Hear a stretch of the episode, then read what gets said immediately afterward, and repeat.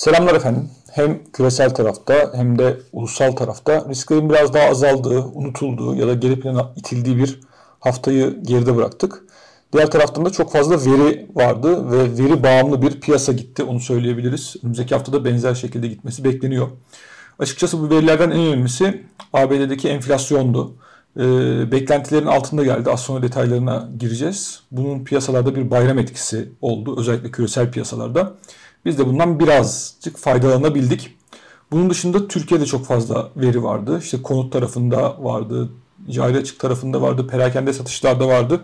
Ee, bunların da detaylarına e, ilerleyen dakikalarda gireceğiz. Şimdi bildiğiniz üzere bir yönetilen dalgalı kur sistemi içerisinde olduğumuz için kurda doğru düzgün bir oynama olmuyor ama ben yine de her hafta sorumluluğum gereği size bunu hatırlatıyorum. 28.71'den kapattık bu hafta. 28.56 idi geçen hafta. Artış %0.5 oldu.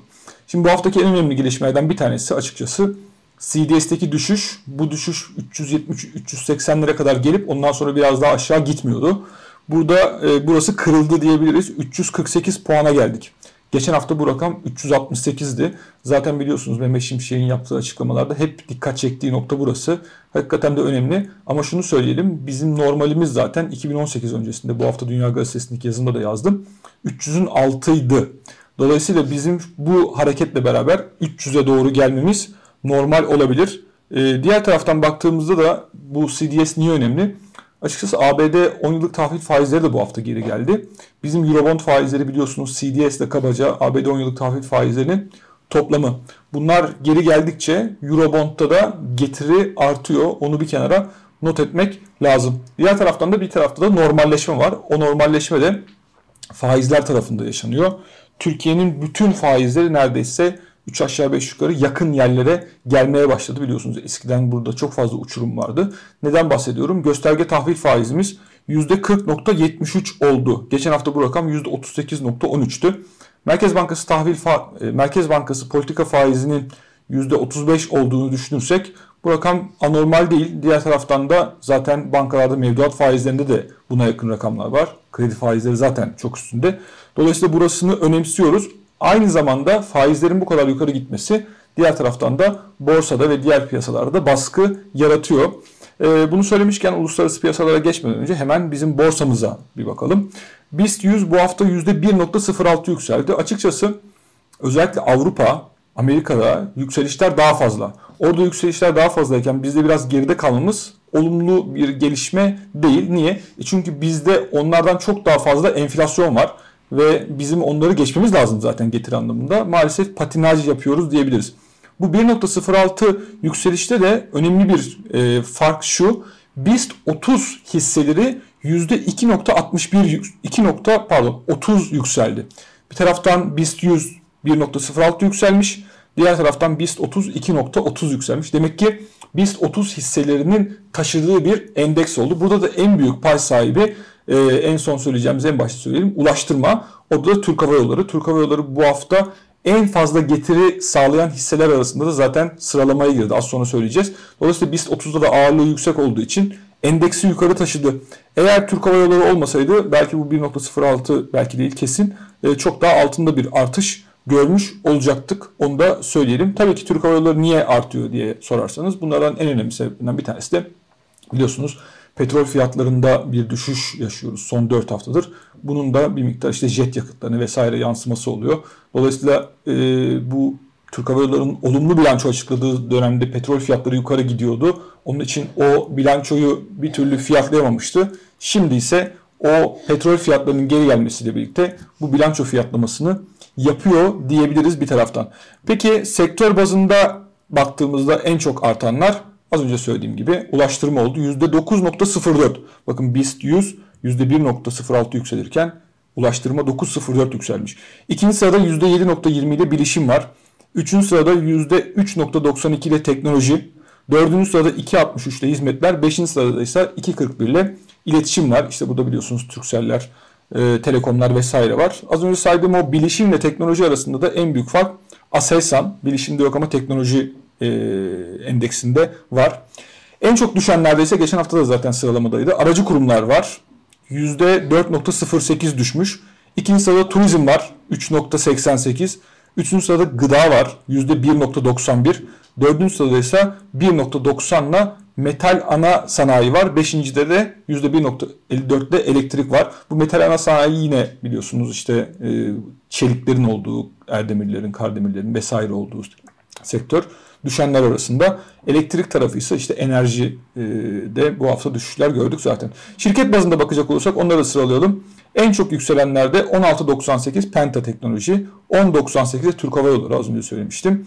9.45 Emlak Konut, 8.16 MIA Teknoloji, 7.18'de de Konya Çimento. Konya Çimento zaten biliyorsunuz her hafta ya en çok düşenlerde ya en çok yükselenlerde e, listeye giriyor. Düşenlerde en çok düşen Pasifik GEO 9.36, ikinci 8.72 ile Genilaç, üçüncü en çok düşen Anadolu Efes 7.61, dördüncü Borusan, beşinci de Alarko oldu. 7.15 düştü Alarko. Alarko'nun düşüşünde de ortak satışı kap haberlerinin etkisi olduğunu izledik. Ama şunu söyleyeyim. Önceki haftalara göre önemli farklardan bir tanesi hisse bazında ciddi ayrışmalar oldu. Yani işte endeks %2 düştü. İşte en fazla düşen %4, en fazla artan %1 falan öyle bir şey olmadı. Kimi %10 yükseldi, kimi %10 düştü. Dolayısıyla hisse bazındaki değişimler önemli oldu. Onun için belki önümüzdeki dönemlerde de bu olabilir. Buna dikkat etmek lazım.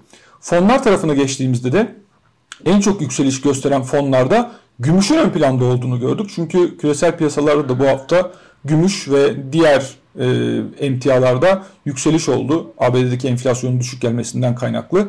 Ve en çok yükselen ilk 5 fonun 4'ü gümüş fon sepeti fonu oldu. Ve yükselişler yaklaşık %6'lar civarında. Onun dışında bir de teknoloji ağırlıklı hisselere yatırım yapan fonlar da yine en çok yükselenler arasında oldu. En çok düşenlerde ise bizim yan kağıtlar dediğimiz kağıtlara yatırım yapan hisse senetleri fonları en çok düşenler arasında oldu. %3,5 civarında bir düşüş olduğunu görüyoruz.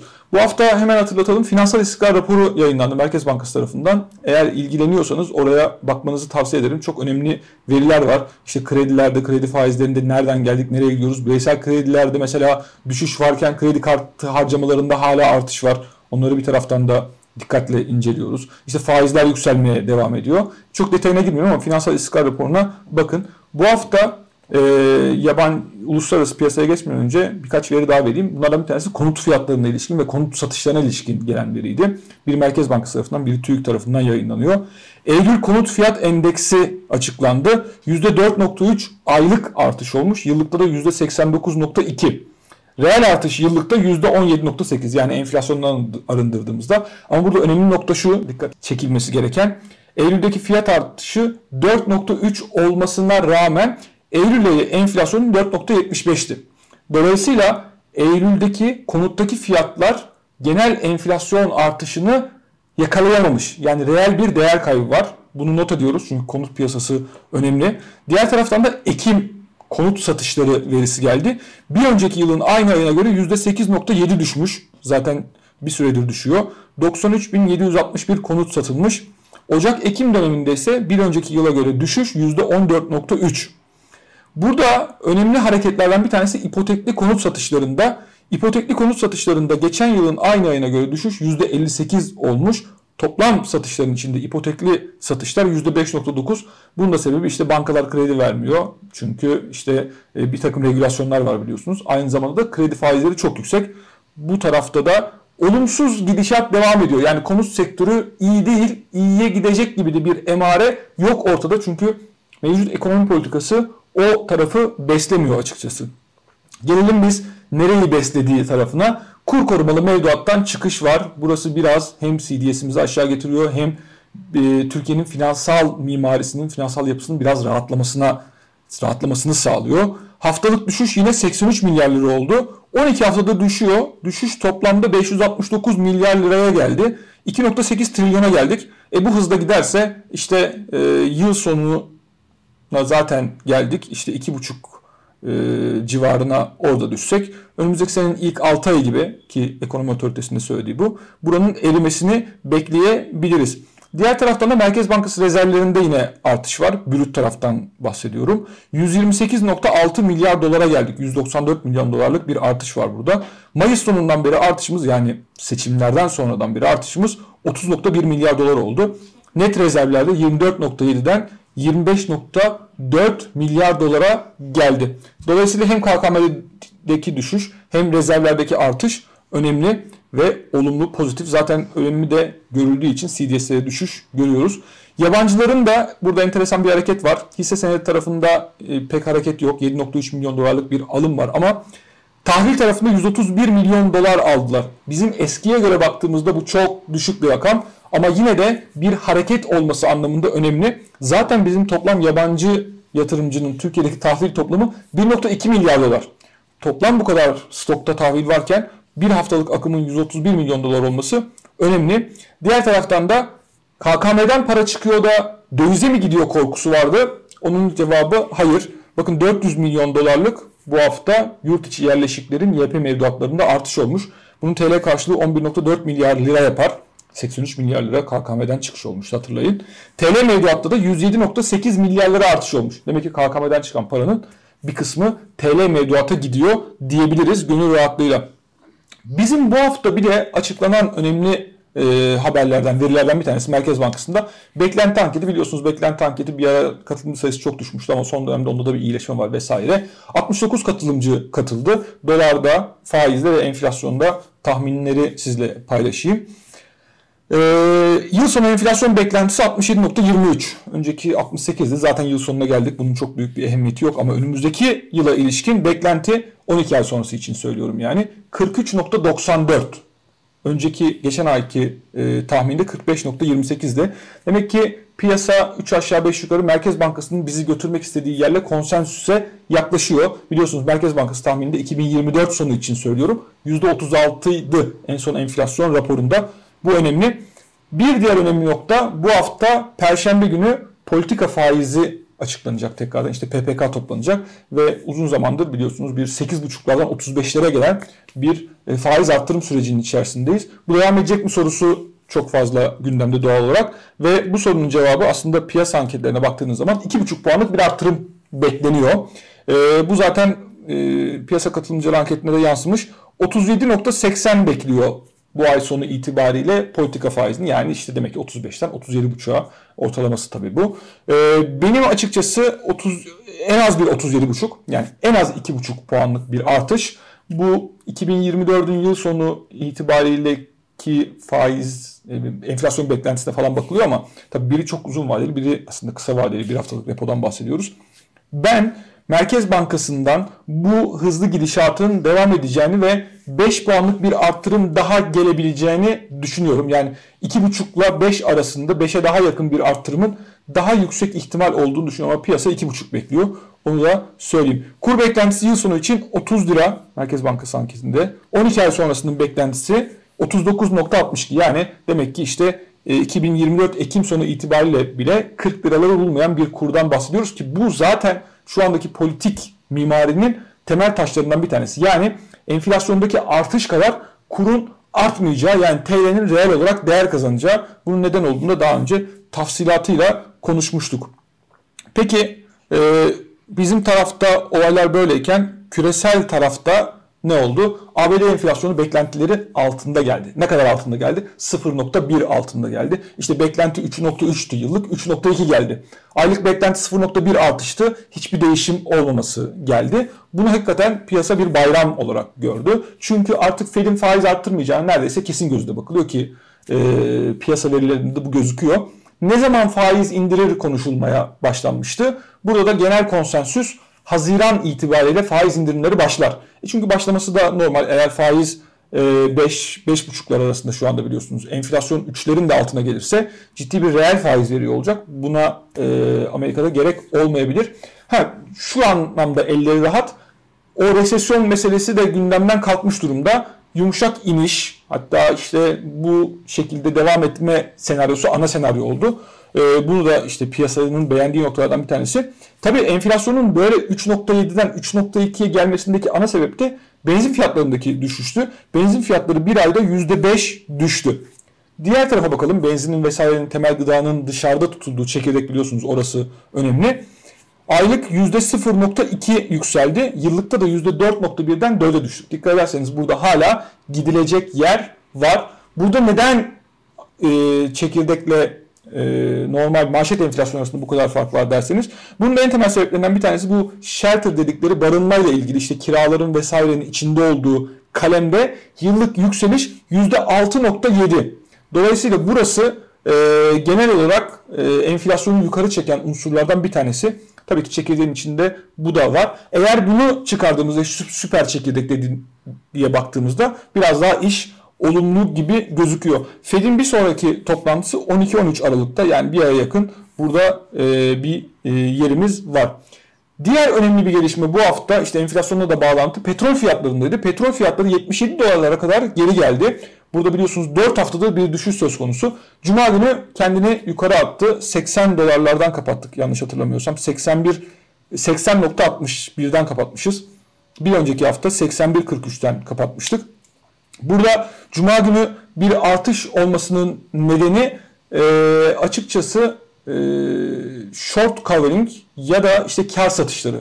E, düşüşten para kazanan işte shortlayanların para kazanmaları ve artık işte bunlardan bir miktar kar satışı çünkü 4 haftadır düşüyor. Bunun petrol fiyatlarını yukarı iten sebeplerden bir tanesi olduğu söyleniyor. Artı bir de OPEC, OPEC Plus'ın petrol fiyatlarını 80 ile 100 dolar arasında tutma gibi bir niyeti olduğundan bahsediliyor. Dolayısıyla 80 doların altına geldikçe yukarı atmasının temel sebepleri bu. Demek ki 80 doların etrafında gezinen bir petrol çok sürpriz olmayacaktır. Diğer taraftan işte bu e, ABD enflasyonu düşük gelince beklentilerden tahvil faizleri de geri geldi. 4.65'ten 4.44'e geldik. Bu önemli çünkü diğer e, emtiaları vesaire de etkiliyor, emtiayı etkiliyor. Altında mesela 1937 dolardan 1981'e geldik. Bu %2.3'lük bir artış anlamına gelir. Daha önceki altındaki hareket biliyorsunuz Gazze'deki olaylardan dolayıydı. Bu geçici diyorduk. Şimdi faizdeki değişimden dolayı altın fiyatlarındaki yükseliş biraz daha e, kalıcı olabilir. Ama tabii burada şunu unutmayalım. Altın fiyatları daha çok reel faizden etkileniyor. Yani enflasyon düştükçe faiz de düşüyorsa reel faiz zaten aynı kalıyorsa o zaman ya işte faizler düştü onun içinde altın yükselecek diye bir beklenti içine girmemek lazım. Çünkü zaten enflasyon düştükçe faizlerin düşmesi altını çok etkileyen bir şey değil. Önemli olan o faiz enflasyon dururken faizler düşüyor mu? Yani reel faiz azalıyor mu? Buna bakmak lazım. Burada o kadar da e, istenen yerdeyiz ama gümüş altın için söylüyorum tabii ki istenen yerde olmam meselesini. Gümüşteki hareket daha sertti. Bu hafta 6.3'lük bir yükseliş oldu. Zaten fonlarda da söylemiştim size. 22.31'den 23.72'ye geldik. Dolar da tabii ki enflasyondaki düşüşten kaynaklı olarak, faizlerdeki düşüşten kaynaklı olarak bir miktar değer kaybetti. Dolar endeksi 105.86'dan 103.82'ye geldi. %1.9 düşmüş haftalık anlamda. Az değil. Euro dolar paritesi de 1.068'den 1.09 ona geldi. Bir onlara geldik neredeyse. Buralar artık biraz artık durmamız gereken yerler olabilir. Bunun üstüne çıkar mı? Ben çok emin değilim. Haftalık yükseliş zaten %2.2 olmuş. Az önce bahsetmiştim bizim Borsa İstanbul %1.1 yükselmesine rağmen yaklaşık. S&P bu hafta 4415'ten 4514'e geldi. Yükseliş %2.2 oldu. Ee, diğer taraftan Moody's ABD'nin not görünümünü durağından negatife çekti. Yalının buna ilişkin bir takım açıklamaları oldu. Bir de tabii ki bu haftanın önemli gündem konulardan bir tanesi e, Çin Devlet Başkanı Xi Jinping ile Biden'ın görüşmesi oldu. Özellikle Biden'ın toplantıdan sonra e, sorulan bir soruya hala Xi Jinping'in diktatör olduğunu düşünüyor musunuz sorusuna evet yanıtı vermesi e, biraz piyasaların tadını kaçırdı. E, dediğim gibi bu hafta ha, cari fazla verdik 1.9 milyar dolar onu da atlamadan söyleyeyim. Diğer taraftan da perakende satışlarda aylıkta %0.7 düşüş var. Aslında burada hiç sürpriz bir şey yok. Cari e, iş talep düşüyor. E, kredi koşulları sıkılaşıyor. Bundan kaynaklı olarak miktar cari fazla veriyoruz. Yani bu kalıcı olmayacak tabii ama en azından cari açığımız e, eskisi kadar yüksek değil. Dolayısıyla ekonomi soğuyacak. Enflasyonu bu şekilde düşüreceğiz. Bir şekilde böyle bir stabilite, stabilizasyon sağlanmaya çalışılıyor. Bu hafta Perşembe günü dediğim gibi Merkez Bankası kararını takip edeceğiz. Bu hafta piyasaların en fazla bakacağı yerlerden bir tanesi burası olacaktır. Bu haftalık benden bu kadar. Önümüzdeki hafta tekrar görüşmek üzere.